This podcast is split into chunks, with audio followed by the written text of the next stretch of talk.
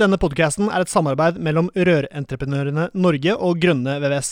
Felles for både Eli og meg er at vi brenner for rørbransjen, og vi ønsker å dytte bransjen i riktig retning. Men dette får vi selvfølgelig ikke til alene, vi trenger flere. Du kan bidra med å abonnere på podkasten, skrive en omtale i iTunes og dele denne med folk eh, du er glad i. Da setter vi i gang med ukens episode.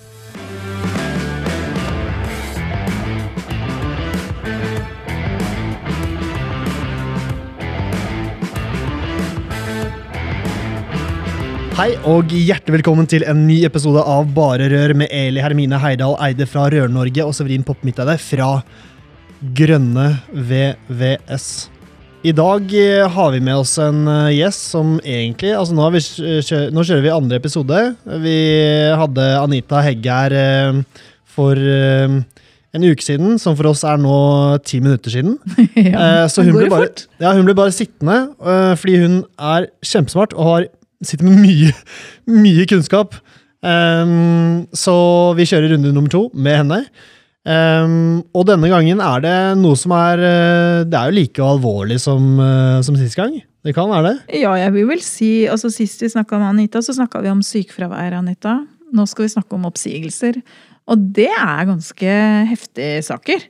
Altså, én ting er eh, å være Altså, det å si opp noen er jo ikke noe walk in the park, eller hva det heter for noe. Mm. Mens det å være den som faktisk også kan bli sagt opp, det er også ganske heftig. Og det er jo veldig avhengig av deg sjøl, om du havner i den situasjonen, tenker jeg. I hvert fall, Det er to måter å havne i den situasjonen på. Det ene er at du kan ha oppsigelse pga. virksomhetens eh, et eller annet. Hva heter det? Virksomhetens forhold. Ja. ja. Eller så kan det være den ansattes forhold. Ja. Stemmer. Så hvis det er eh, virksomhetens forhold, så handler det jo typisk om nedbemanning. Da skal du ikke ta det personlig, liksom? Nei. Nei. Så, hvis, så det, er, det, er, typisk grunn til at det er eh, oppsigelse pga. virksomhetens forhold. Kan være at det er en, en nedbemanning pga. kanskje bestillingssvikt, eller er det et typisk eksempel? Det er et veldig typisk eksempel. Mm. Det kan jo også være at du har bestemt deg for å legge ned bedriften din. Det kan være. Det er lov, det òg. Absolutt. Eller legge ned en avdeling. Ja. Mm. Mm. Kan, vi, noe, ja. kan, vi, kan, vi, bare ta det aller først, og prøve ja. å dele det opp uh, litt sånn? For uh, jeg vil gjerne få en grundig gjennomgang. Fordi Grønne VV skal jo bli verdens største bedrift. Og så tenker jeg, da, og så skal jeg trekke meg sakte tilbake etter tjent masse masse penger. Når du er 32 eller noe sånt? Ja, 29. Jeg har, jeg, det er fire år på deg. Fire år på meg. Mm. 25 nå. Jeg håper ikke du er like kjapp i alt du gjør.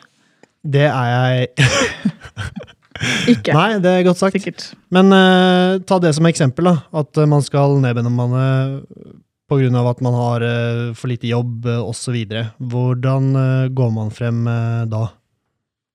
Jo, fordi det som er Reglene om oppsigelse, da, dette er jo regulert i arbeidsmiljøloven. Og da er det en bestemmelse der som sier at eh, en arbeidstaker kan ikke sies opp uten at det er saklig begrunnet da i virksomhetens forhold. Mm. Eh, så først må man jo se hva er det som er grunnen. Hvorfor ønsker man å si opp eh, den ansatte pga. virksomhetens forhold? Og da kan det jo være det at man har økonomiske problemer. Eh, og hvis det stemmer, så kan jo det være en saklig grunn for eh, oppsigelsen. Men så har man jo kanskje flere ansatte, så da kan det jo bli vanskelig å vite hvem av disse ansatte er det jeg skal si opp. Mm. Og hvem man velger, det må også være saklig begrunnet. Går det bare på ansiennitet? Nei, men hvis bedriften er bundet av tariffavtale, så har ansiennitet stor betydning. Mm. Så da, da, er man forplikta til å ta hensyn til det. Mm. Men når man tar og velger ut, da, eh, så er det ofte ansiennitet, kompetanse og sosiale hensyn som er liksom de vanligste kriteriene man velger ut ifra. Ja, nettopp. Så hvis jeg skal bli kvitt en uh, type, så er ikke det veien å gå å si at man skal uh, bare nedbemanne litt, og så så ansetter du noen andre kvarter etterpå? Stemmer. Ja. For det er jo noen regler der òg. Du som bedrift kan vel ikke ansette noen før det har gått tolv måneder i samme rolle eller stilling? Nei, ja, det stemmer. Fordi det er også noen regler om fortrinnsrett. Hvis man har blitt sagt opp pga. nedbemanning, så har man eh, eh, fortrinnsrett til ny stilling eller ny ansettelse. Okay, nettopp. På ditt ja. nivå, da. Ja, og du må jo være kvalifisert for stillingen, da. Mm. Mm. Og det er det vel hvis eh, Det er mulig jeg ikke hang med noe, men det er det vel hvis det var du som måtte gå gå i første omgang. Ja. Ja. Men ikke sant, hvis du blir nedbemannet fra stillingen som rørlegger, og så skal bedriften ansette ja, Prosjektleder, prosjektleder, så må jo den rørleggeren som ble sagt opp pga. nedbemanningen, være kvalifisert for prosjektlederstillingen ja, for å ha fortrinnsrett. Mm. Men da er det faktisk en mulighet der, eller er det fortsatt vanskelig å Hvis du ikke vil ha vedkommende, så er det bare å si at eh, prosjektleder hos oss heretter skal ha teknisk fagskole. Ja, Og så er du home free, tenker jeg. Ja, for det er jo Kompetansekrav. Ja, ikke sant? Og det er jo bedriften som setter kravene til stillingen. Hva er det som skal til Ja. for å være kvalifisert som prosjektleder hos oss? Jo, det er sånn og sånn. Og så må man se da om eh, det stemmer med den Men man kan ikke si at uh, du har en bedrift med masse rørleggere, og så kan du, du kan ikke plutselig sette krav til rørleggerne om at de må ha fagskole eller noe sånt for å kunne fortsette i bedriften, og hvis ikke så blir de skitta ut. Nei, det kan du ikke gjøre. Ikke etter at du har ansatt dem. Mm. Det er jo en del banker som har holdt på sånn, da. Jeg, jeg kjenner en del som jobber i bank, som har måttet gå ganske heftig, ta ganske heftig utdanning for å i det hele tatt få lov å fortsette jobben sin. Mm. Så det er jo tydelig at det er mulig, men da har de sikkert hatt noen veldig gode HR-prosesser for å komme seg dit, da, at de kan kreve det. Det er en form for nedbemanningsprosess nesten, for det er mange som har gitt opp på veien. Mm. Ja. Så, men vi kommer vel nok ikke dit, tror jeg, at, at du kommer til å tre noen mer utdanning over de ansatte hvis det ikke er nødvendig for å gjøre jobben din. Da. For det kan du, altså jeg tenker sånn, Hvis jeg som ansatt får beskjed av sjefen min at du, jeg vil veldig gjerne at du nå tar og gjør sånn og sånn og lærer deg det og det, kan jeg nekte det? Ikke sant? Det at, at man får eh, eh, beskjed om det, eller ha en dialog om det, det kan jo være liksom, en naturlig del av stillingen. Men man kan ikke si sånn at du, nå må du ta den eh, tilleggsutdanningen her, eller disse tilleggskursene, for ellers, hvis ikke du gjør det, så får du oppsigelse. Man kan ikke sette hardt mot hardt på den måten. Men det kan jo være en, en naturlig del av denne videreutviklingen som man skal ha. Ja, altså Bransjen utvikler seg. Vi har snakka mye om det med digitalisering, Severin. Og at det kanskje er for noen en ganske høy terskel for å kunne klare å eh, ta i bruk de digitaliseringsverktøya som blir brukt i bransjen. Så hvis du da har en ansatt da, som nekter, altså nekter plent å forholde seg til digitale verktøy, er det en oppsigelsesgrunn? Altså Hvis du er nødt til å bruke kvalitetssikringssystemer, du er liksom nødt på inn på systemer for å kunne fungere i hverdagen. Alle de andre bedriftene gjør det, men du nekter plent. Mm. Er det en oppsigelsesgrunn? Da vil jeg som leder prøve å finne ut hvorfor er det vedkommende nekter. Mm. Og så prøve å finne sant? Kanskje, ja, kanskje hun ikke har nok eh, opplæring, at det er en utrygghet. Ja, prøve å finne årsaken, da. Handler Også, nok litt om utrygghet ofte, tror jeg. Ja. At det er litt skummelt med nye ting og endringer. Ja. Man kan aldri gå rett på oppsigelse. Man må Nei, det prøve- skjønner jeg. Ja.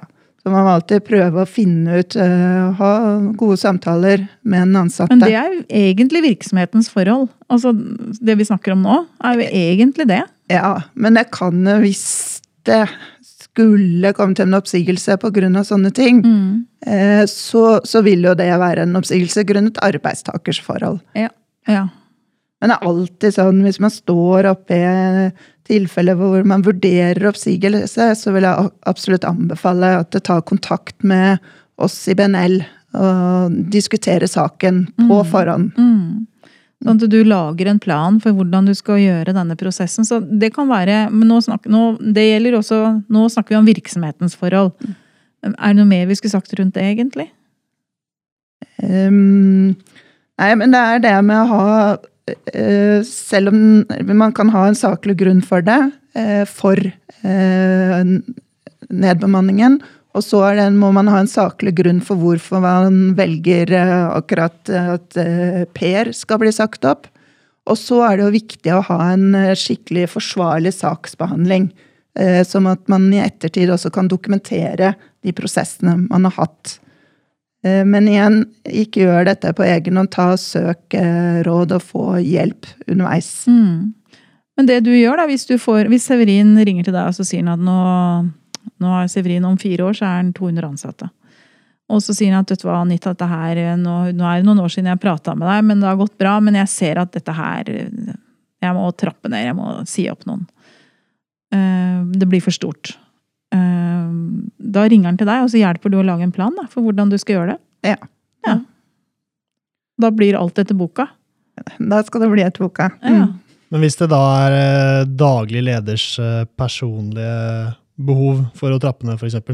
Man ser at det ikke er bedriften Hvis daglig leder eier bedriften, så er det noe helt annet. Ja, hvis, de eier, hvis han eier Hvis hun, han eier eh, Veldig politisk korrekt nå, da. Jeg er veldig glad for å høre deg selv. Ja, og, eh, og han ser at ting ikke fungerer, da. Altså, de tjener kanskje penger, men arbeidsforholdet er ræva. Eller ikke arbeidsforholdet, men folk trives ikke, det er dårlig stemning, liksom. Er det god grunn nok til å, til å roe ned? Og eh, ja, for, for person, nei, daglig leder, da, om Jeg var egentlig ferdig nå, men jeg tror ikke jeg forklarte det godt nok. At eh, daglig leder trives ikke.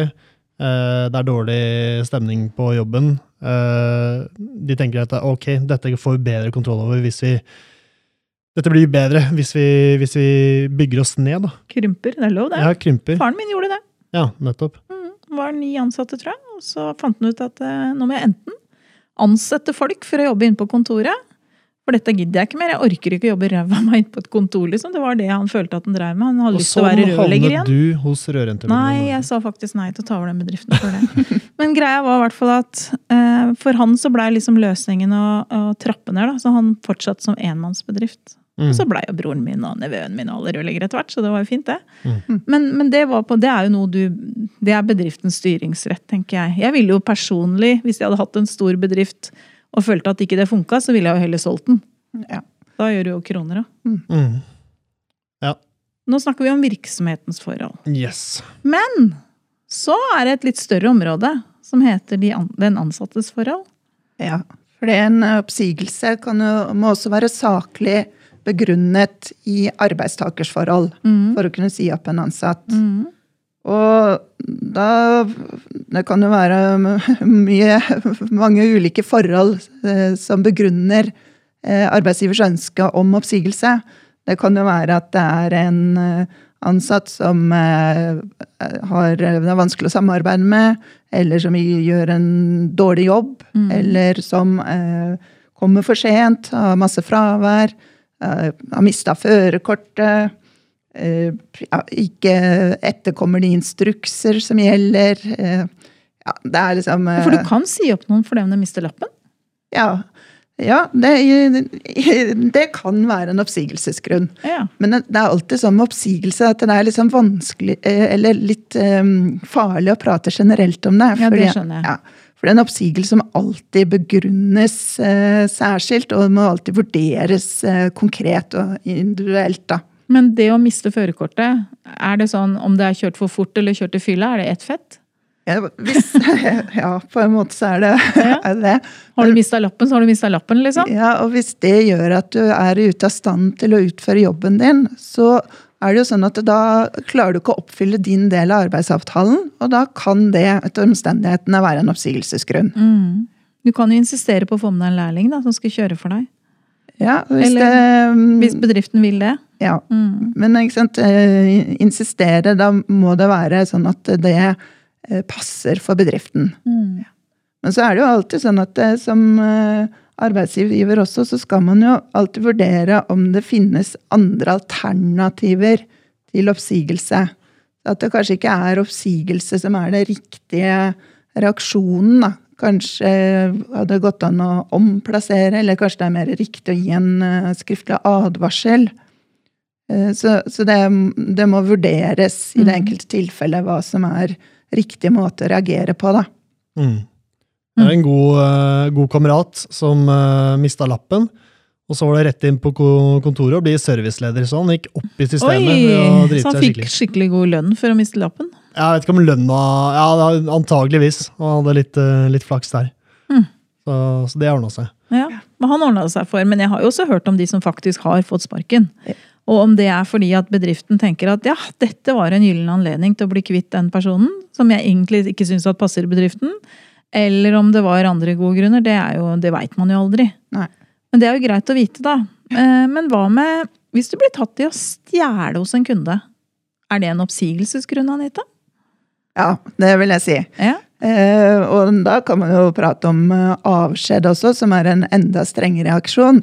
forskjellen på oppsigelse og avskjed er jo at en oppsigelse den må være saklig begrunnet, men da eh, har jo arbeidstakeren en oppsigelsestid hvor man både har rett og plikt til å jobbe i oppsigelsestiden. Mm. Eh, ofte så er kanskje det én måneds oppsigelsestid eller tre måneder. Mm. Eh, men en avskjed, da har den ansatte gjort seg eh, skyldig i et grovt eh, pliktbrudd. Og tyveri er det. ja, tyveri er det. Og da eh, avsluttes arbeidsforholdet på dagen. Ok. Men eh, ved avskjedesaker og tyveri, så er det ofte et bevisspørsmål. Mm. For det, det holder ikke at um, arbeidsgiver har en saklig grunn for å si opp, for i tillegg så må jo arbeidsgiver kunne bevise at det forholdet man begrunner, faktisk uh, er til stede. Uh, og så i tillegg så er det viktig at man har en skikkelig saksbehandling rundt oppsigelsen. Mm. Jeg kjenner til en sak som jeg tror blei en BNL-sak for ganske mange år siden. Det var en lærling som jobba i et leilighetsbygg. Og så, De fløy tydeligvis litt opp og ned da, i den oppgangen. Og så var det en som bodde i den oppgangen som drev og bar opp noen handleposer etter en handletur. Og så når hun skulle pakke ut på kjøkkenet, så var plutselig en eh, halv kylling eh, borte. Ja. Det viste seg at eh, lærlingen hadde jo nappa til seg denne, gitt. Oi. Eh, og det var visst ikke så veldig vanskelig å bevise, da. Nei. Så han fikk jo sparken, eller avskjed, på dagen. Ja. Eh, Jeg tror aldri vedkommende blei ferdig utdanna heller, for å si det sånn. En halv kylling, ja. Men det har, poenget er ikke det. Poenget er ikke hva du stjeler. Poenget er at du faktisk stjeler. Ja, for det er jo vanskelig er å ha tillit eh, til vedkommende senere. Og så skal du så bare- sende noen inn hos andre siden, ikke sant. Mm. På alle de stedene du går Vi ser jo Severin på TikTok. Han viser jo fram de utroligste flotte steder som du er inne ikke sant, og gjør rørleggerjobb. I det øyeblikket du eller en av dine ansatte blir tatt i å ta en tannpirker fra den leiligheten, Mm. er det slutt. Mm. Da er det over. Sorry, Mac. Mm. Da har du null tillit lenger. Mm. Og det sprer seg. Ja, ja. Derfor så er det så viktig at man også skjønner at det handler ikke om du tar liksom en halv kylling, eller om du hva, hva du altså Tyveri er tyveri. liksom Om det er 100 000 eller om det er en halv kylling, er nesten like ille, egentlig. For det er et tillitsbrudd. da. Ja, Vi stjeler jo stjeler litt, da. Dopapir og sånn. Nei, vi stjeler hjertene til alle kundene våre. Å, gud a meg. Den var nesten litt søt. Ja. Ja. Men eh, ja, tyveri eh, når Vi snakka jo om, ja, jo, om avskjed. Da er det flere ting du kan risikere å få avskjed for, da, når vi først liksom er ute på skremmefronten. Du kommer full Jeg på har, jobb! jeg har en Ja, full på jobb. Det, er, det tror jeg er avskjed på, på dagen også. Ja, ikke sant? Eh, Jeg syns alltid den type spørsmål er litt sånn vanskelig. Mm. Fordi på at eh, man skal jo ikke komme full på jobb. Du kan jo være litt i bakrus for at det var juleborddagen før, da. Ja, men selv det trenger jo ikke være greit. Nei. Eh, Så øh, det er liksom helt sikkert, man skal ikke komme fullt på jobb. Det kan være et sikkerhetsproblem, det kan være problemer av mange grunner. Mm. Men på den annen side så har altså arbeidsgiver en omsorgsplikt for sine ansatte. Mhm. Så at hvis det er en ansatt, ansatt som kanskje har rusproblemer, da, så, så kan jo være at arbeidsgiver prøver, prøver å strekke ut en hånd og hjelpe denne ansatte istedenfor. Mm. Så, så det, jeg synes sånn, I forhold til rus er det vanskelig å si at ja, kjør på, det er oppsigelsessak. fordi da må man også igjen vurdere omstendighetene rundt og hva er situasjonen. For det er veldig mange som, har, eh, som velger å prøve å hjelpe den ansatte som har Mm. et rusproblem, og så inngår avtaler, sånne såkalte AKAN-avtaler. Mm. For akan.no er jo en side som det kan være lurt å gå inn på Ja. hvis du har en ansatt som du enten mistenker eller veit har et rusproblem. Ja. Eh, Men det kan i verste fall liksom medføre at du får sparken, men det kan også være at du som arbeidsgiver kan vise din omsorgsevne da, Ja. i forhold til at du, at du hjelper vedkommende videre. For det er nå engang sånn at det kan jo være veldig flinke folk selv om de kan ha utfordringer på forskjellige plan. Eh, Og da tenker jeg at eh, det er kanskje en vel så viktig ting å formidle. At her kan du faktisk For det er lettere å prøve å gjøre den ansatte så godt som mulig i stand til å utføre jobben sin. Og kanskje få et oppfølgingsopplegg ved siden av jobben. Mm. eh, Som å prøve å anskaffe noen nye. Altså, ja. Helt klart. Helt klart. Mm. Så det mm. Ja. I skole og barnehager så tror jeg avskjed på dagen. På sånt noe, Ja, hvis du kommer eh, rus. Ja. Mm. Ja. Men Mm. et annet uh, Egentlig jækla, jækla trist øh, eksempel, men øh, jeg var en gang med en rørlegger som presterte å tisse i vasken på, på kjøkkenet, fordi det ikke var toalett på, på arbeidsplassen. fordi vi pustet opp badet. Mm. Eh, hva kan det Hva kan skje da? Ja, hjemme hos en kunde. Ja, stemmer.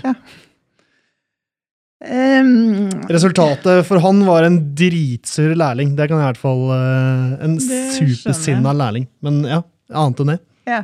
Så det var rørleggeren som gjorde det, han som eh, var Var eh, ja, ikke- Ja. ja. Mm, Jeg var med en, uh, rørlegger. Ja. Du var den sure lærlingen. ja. Jeg var dritsur. Ja. Ja, Jeg er du gæren, jeg. Er du gæren? Jeg hadde aldri gjort. Nei, man kan, ja, nei, jeg, kjente bare æsj, var det første Ja, jeg tenkte. var Ja, æsj! Og bare utrolig hensynsløst og respektløs og full pakke. Men det er jo en del av greia, da. ikke sant? At eh, hvis du har en bedrift, så er det noe med å legge lista. Hvordan oppfører vi oss, oss, oss? Hvordan oppfører vi oss hos oss? Mm. Og vi har jo lett forskjellige ting i ryggsekken vår når vi begynner i arbeidslivet. Noen har liksom, ja, Jeg har møtt noen hundre lærlinger opp gjennom åra som alle har hatt forskjellig altså påfylle ryggsekken i forhold til liksom eh, folkeskikk og dannelse. da.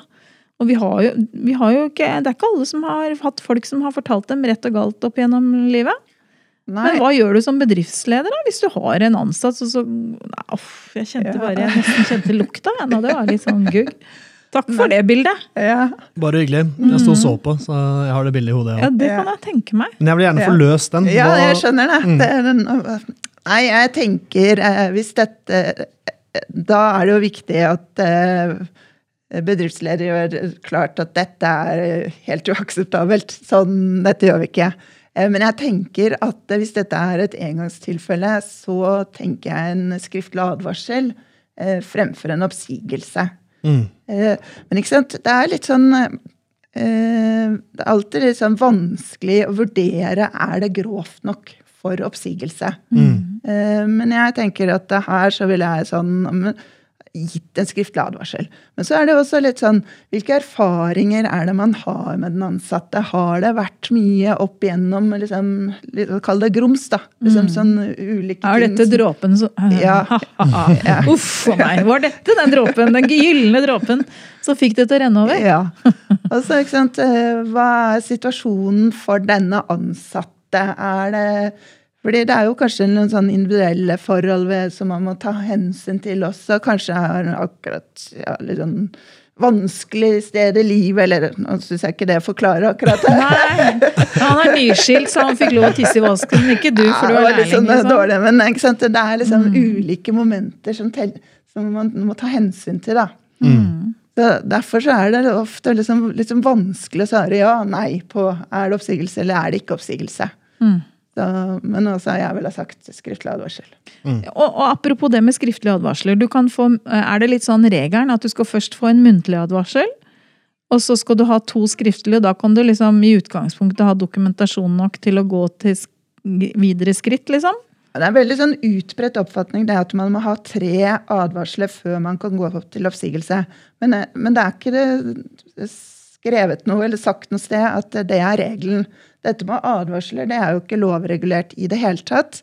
Eh, Hvorvidt man velger å gi en muntlig eller skriftlig advarsel, det beror litt på, mer på hvor alvorlig er det forholdet man eh, tar eh, og gir advarsel for. Mm. Og så kan man jo, hvis man gir en muntlig advarsel, så må man jo uansett ha en samtale med den det gjelder først. Mm. Og så eh, er jo rådet å skrive et referat fra den samtalen. Og da kan man jo få skrevet ned i det referatet at det ble gitt en muntlig advarsel i løpet av samtalen. Mm. Og så, på den måten så har man liksom fått dokumentert at det ble gitt en muntlig advarsel. Men da er det nok at jeg som leder, jeg skriver et referat etter at den jeg har hatt samtalen med, har gått ut. Eh, Litt sånn om hva samtalen handla om, og om vi blei enige om noe, og hva f.eks. en sånn muntlig advarsel var. Eh, Og så kan jeg arkivere det hos meg. og Jeg trenger ikke ha noe signaturer på noen, fra noen på det.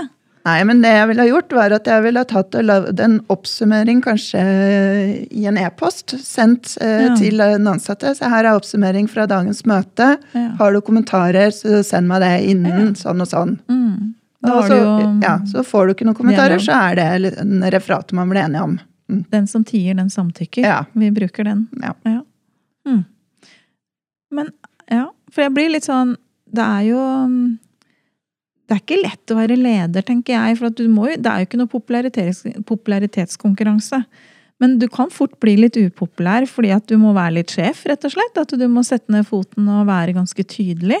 Ja, og det er jo viktig at en leder tør å, å, å nettopp være det, og ta Ja. tak. Ja. Og Hvis man bare liksom feier det under teppet, så til, da går det gærent eh, til slutt. Det er jo ofte sånn at eh, hvis du gir noen lillefingeren, sier de, så tar de hele handa. Og det er ofte den, jeg tenker Ja. at det kan fort skje i sånne sammenhenger hvor det kan utvikle seg en ukultur kanskje i en bedrift, hvor noen får lov å ture på, så kan det heller åpne opp for andre kanskje til å utnytte det, da. For det er jo det du fort gjør hvis noen er for snille òg. For det er jo det du er. Du er kanskje litt for snill. Ja, så kan jo være at man eh, ja, syns det er ubehagelig å ta det opp forholdet. At det er eh, Det kommer litt av, avhengig av hva det handler om, da.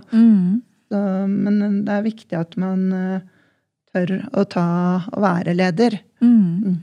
Men i forhold til det der med advarsler, da, så er det jo litt grovere forhold, så kan man jo reagere med en skriftlig advarsel.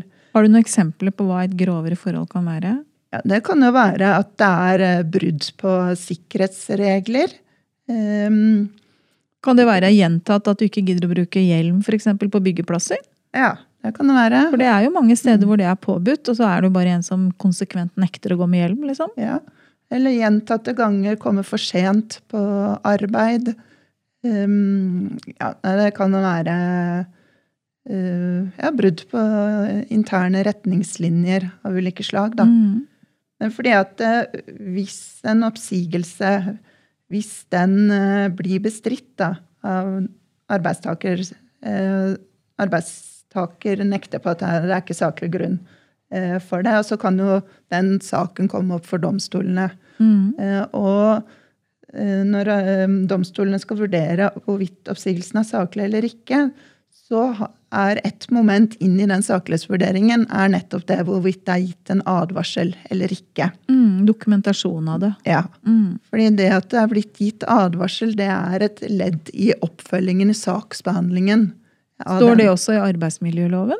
Ja, dette her står ikke akkurat i arbeidsmiljøloven, men eh, gjennom eh, domstolenes behandling av eh, oppsigelsessaker, så er det blitt sagt flere ganger. Ja. Er det en sedvane, er det hun kaller det? Ja, sedvane er det Ja. Et ord jeg bare har hørt et eller annet sted. ja, ja. mm, Men er det, er det sånn at eh, vi, I forrige episode så snakka vi om det med sykefravær. Og så kom vi så vidt inn på det med oppsigelser uten at vi egentlig utbroderte det så veldig. Ja. Men sånn kort oppsummert, da. Så er det sånn at hvis du har vært sykemeldt i tolv måneder, så har du hatt et vern i den perioden mot oppsigelse mens du er sykemeldt. Stemmer. Men den dagen du da fortsetter å være sykemeldt etter at det har gått tolv måneder, eh, og går på arbeidsavklaringspenger, som det da heter, så kan bedriften si deg opp. Men du må fortsatt som bedriftsleder ha en saklig grunn til å foreta en oppsigelse. Stemmer. Mm. Eh, og da har jo vedkommende kanskje vært borte. Det er ikke en saklig grunn at vedkommende ikke har vært på jobb et år. Nei. Det, nei. Så eh, en saklig grunn for oppsigelse pga. sykefravær når man er utenfor tolvmånedersperioden, eller den verneperioden, det kan jo være at eh, dette sykefraværet i seg selv at det blir en belastning for bedriften. Kanskje andre ansatte må jobbe mye overtid. eh, Man har eh, mangler folk. At det går utover driften på ulike måter. da. At du er nødt til å ansette noen som kan gjøre jobben din, liksom. Er det en grunn nok? Ja, så kanskje det kan være vanskelig å få en vikar, for det er ikke vikarer å oppdrive. Nei. Fordi da er det jo ikke noe fast ansettelse man kan tilby, for det er jo en som har stillingen. Det er jo den som er syk. Ja. Men da må, er det som du sier, at det må være en saklig grunn for, å, for den oppsigelsen også. Og inn i den saklighetsvurderingen så har det stor betydning at arbeidsgiver kan eh, dokumentere at man har gjort den sykefraværsoppfølgingen som vi pratet om eh, forrige gang. Mm. Og at eh, arbeidsgiver kan vise at man har tilrettelagt arbeidet. Mm. Eh, og så vil det være en vurdering av hvor prognosene for at den ansatte kommer raskt tilbake i jobb. Mm. Og hvis det viser seg at vedkommende er klar til å komme tilbake i jobb neste måned, Ja. så har man jo ikke saklig grunn. Nei. Men hvis det er usikkert og fortsatt uh, uvisst hvor Det lenge dette varer, det. Ja, Mm. så, så vil det være et moment inn i den saklighetsvurderingen. Ja. Det er ikke bare bare, altså. altså jeg tenker på sånn, Som ansatt òg, så er det ganske mye som kan skje hvis du liksom begynner å ramle utpå på et eller annet. At det, skjer, altså at det skjer ting i livet ditt. For det gjør jo det for mange. At du får vanskeligheter, eller at du er midt oppi en krise i livet ditt med sykdom eller eh, Ja. Mm. Det er mye som kan skje. Absolutt. Så det er jo derfor at det er eh, Man sier jo at stillingsvernet eh, i arbeidsmiljøloven Mange hevder at det er for strengt. da. Det er for Ja. vanskelig å si opp ansatte. Um, men um, det, eh, reglene er jo Arbeidsmiljøloven er en vernelov. Og, og det å frata noen inntekten, det har jo stor betydning. eh, Og, og det må være strenge regler på dette. I. USA så er det jo helt gale, Mathias. Altså, vi har jo virkelig regler som gjør at du, du Altså, det skal skje ganske mye rart i livet ditt før det går rett vest. Vi har et system som fanger deg opp ganske godt. Men i USA så kan jo sjefen din si til deg at eh, hvis, det, hvis den ansatte har sagt noe du ikke er enig i, eller du mener er helt dust, så kan du si 'sorry, Mac, du har ikke jobb lenger, du kan drite i å komme i morgen', liksom. Mm. Sånn har jo ikke vi det. Nei. Det tror jeg vi skal være veldig glad for. Det skal vi være veldig glad for. Ja. Og det er kanskje litt derfor mange lurer på hvorfor du betaler skatt, men sånne ting påvirker jo også sånne ting. Ja, absolutt. Så, Og det er jo sånn eh, Det er jo ikke umulig å si opp eh, hvis man har en saklig grunn, men det, det som er viktig, er jo at man nettopp har den saklige grunnen, kan bevise at man har den saklige grunnen, og at man har en forsvarlig saksbehandling frem mot oppsigelse. Så hvis man liksom passer på de tre tingene, så er det jo fullt mulig å si opp hvis det er eh, god grunn til det. Elendig utført arbeid, da. ja, du skulle til å si at det der er rett og slett ræva utført arbeid. Hva da? Ja, eh, det kan jo være en oppsigelsesgrunn, men hvis man ikke klarer å bevise det at det er elendig utført, eh, at arbeidsgiver klarer å bevise Det Det kan du jo det, filme, holdt jeg på å si. Det er jo bare ja. Eller at hvis man da sender oppsigelse på SMS eller eh, på e-post, så, så, så mister man den saklige grunnen, og da vil den oppsigelsen fremstå som ugyldig, da. Så, så måten du gjør ting på, har også faktisk stor betydning, altså. Absolutt. Det kan ødelegge hele grunnlaget for oppsigelsen hvis man ikke går frem på riktig måte. Og det er det jeg liksom kaller saksbehandlingen, da. Ja, men nå tenkte jeg på hvis du gjør en dårlig jobb, sånn eh, Rørlegger. som, som rørlegger, eksempel. Ja. Mm. Ikke sant? Hvis man gir en, gjør en dårlig jobb, så er det jo sånn i første gang så må jo eh, leder prøve å tilrettelegge sånn at eh, vedkommende kan gjøre en god jobb. Det, må ha en samtale. Hvordan, hva kan gjøres for at du skal lykkes eh, hos oss som rørlegger? Og så må man prøve å finne ut hvorfor gjør en dårlig jobb. Og så må man iverksette noen tiltak, sånn at man eh, gjør vedkommende i stand til å gjøre en god jobb. Men hvis dette liksom bare fortsetter og fortsetter, og det er ikke noe bedring, det fortsetter sånn, så eh, kan jo dette til syvende og sist bli en oppsigelsesgrunn. Men da er det jo viktig at arbeidsgiver kan dokumentere gjennom referater de forsøkene man har gjort på å gjøre vedkommende i stand til å gjøre den gode jobben. da. Og så er det sånn, eh, det har jo vært en rekke saker for domstolen på dette, hvor eh, domstolene uttaler at den, den dårlige jobben den må liksom være markant dårligere enn det som er gjengs. da. Mm. Det må liksom, Ikke ethvert avvik er nok, da. det må være markant svikt Mm. i jobbutførelsen. Mm. Og så er det jo viktig at man da går frem på en skikkelig måte. At før man går til oppsigelse, så skal arbeidsgiver innkalle til et såkalt drøftelsesmøte. Og i det møtet så vil eh, arbeidsgiver legge frem saken, ikke sant? sine vurderinger, da. At eh, nå vurderer vi å si det opp pga. sånn og sånn. Og så må jo den ansatte få muligheten til å, å kommentere dette. Og så er det jo viktig at arbeidsgiver ikke kommer med en oppsigelse i det møtet. Den oppsigelsen skal først komme etterpå. For det er et drøftelsesmøte, så arbeidsgiver skal ikke ha bestemt seg for om man går til oppsigelse i det møtet. Den eh, vurderingen eller beslutningen skal man treffe etterpå. For det skal være et reelt drøftelsesmøte. Mm. Men når du har prøvetid, Anita, åssen oppsigelsestid er du har da? Hvordan, altså det, er jo en, det er jo den perioden du som arbeidsgiver har til å teste ut om en ansatt passer eller ikke. Ja. Og er det seks måneder som regel som prøvetid er på? Ja, det er den maksperioden du kan bruke. Så det, det er jo, vår anbefaling er jo at man da bruker de seks månedene. Setter prøvetiden til seks måneder, ikke til tre måneder, men sett den til seks måneder. Og det er jo rett og slett, det er en litt videre adgang. Det er litt sånn, du har litt større muligheter, det er litt mer slack for å kunne si opp noen da. Eh, For da kan du, hvis du oppdager at eh, du kan, Da er det nok at du sier at vedkommende vet du hva, jeg opplever at du ikke passer inn i arbeidsmiljøet her. Er det en god grunn til å si opp? Altså, Det er, det er som du sier, at det er litt eh, romsligere eller lettere å si opp i prøvetiden. Ja. Men da må oppsigelsen være begrunnet i enten manglende tilpasning til arbeidet, manglende faglig dyktighet, dyktighet eller manglende pålitelighet. Men det holder jo ikke at arbeidsgiver bare sier at du Nei, du må ad, gi advarsler og sånn for det. Ja, ikke sant? for det er viktig med god oppfølging i prøvetida.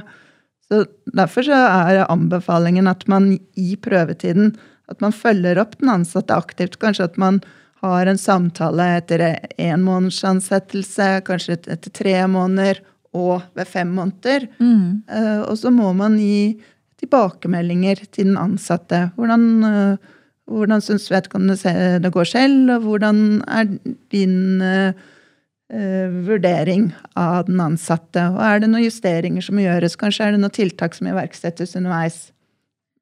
Jeg, var inne på en nettside og inne på Arbin, da, som vi har snakka om tidligere. Så står det litt om nettopp det der med oppsigelse i prøvetid. Så står det at eh, altså arbeidstaker må få en reell mulighet for å forbedre prestasjonen sin, holdt jeg på å si. Altså at du kan lykkes med de arbeidsoppgavene du er satt til å gjøre, da.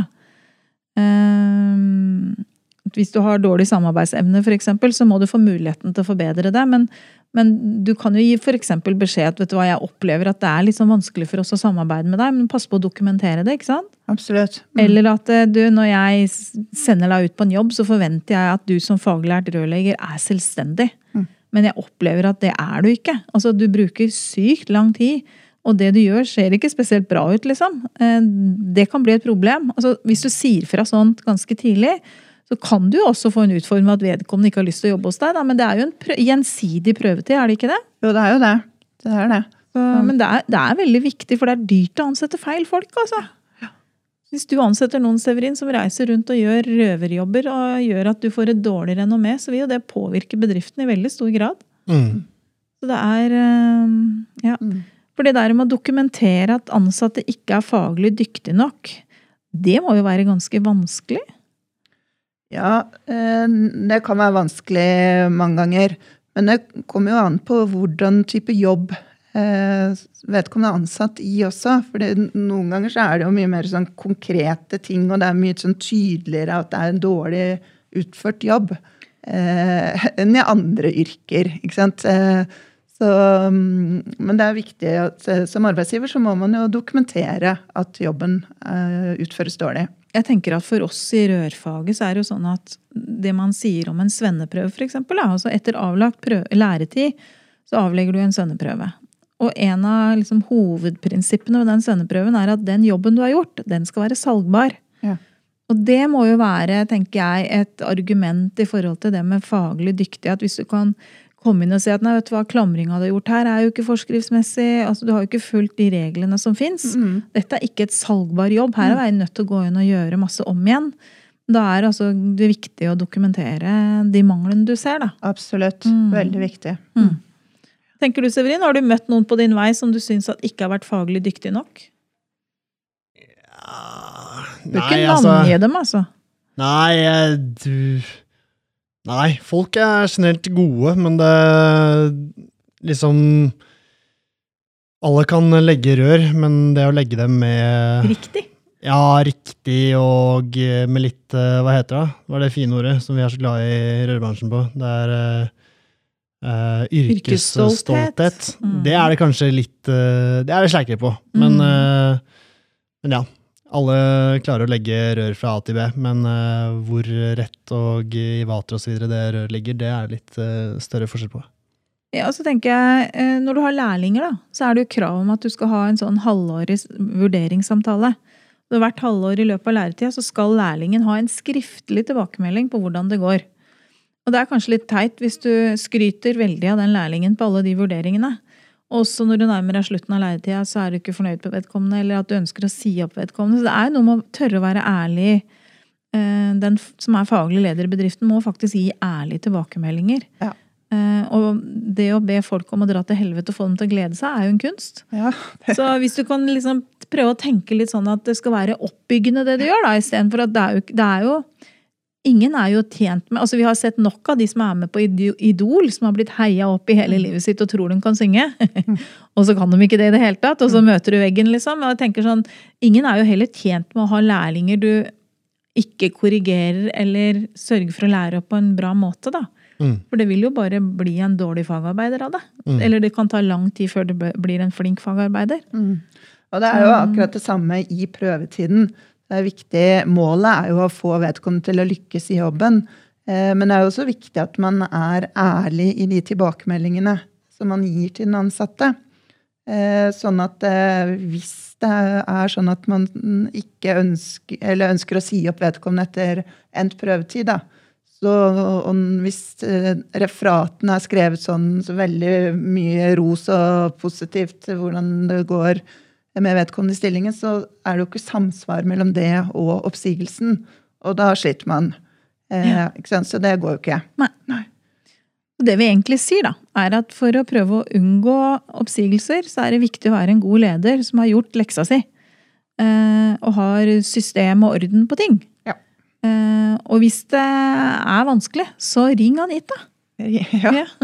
Eller de andre som jobber i BNL. Og. NHO, faktisk. Du kan ringe NHO-advokaten også, kan du ikke det, Anita? Jo, men da tror jeg du ble henvist videre til BNL. Å ja, så Ja. dem skyver dem videre til dere? Ja da. Ja. Så vi er en avdeling med seks advokater og rådgivere, så det er bare å ta kontakt med oss. Mm. Kult. Det er bra. Anita Hegg, takk for at du kom.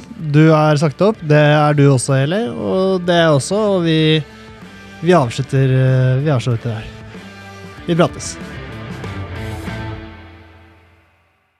Halla, hvis du likte denne podcasten, hadde vi satt utrolig stor pris på om du abonnerte og gir oss en tilbakemelding i avspilleren. Eh, spre gjerne ordet videre til andre i rørbransjen som brenner for rørleggerfaget og er opptatt av å drive en seriøs rørleggerbedrift. Mitt navn er Severin Poppe Midteide, og med meg har jeg co-host Eli Hermine Heidal Eide. Sammen er vi to podkasten Bare Rør med Eli og Poppe.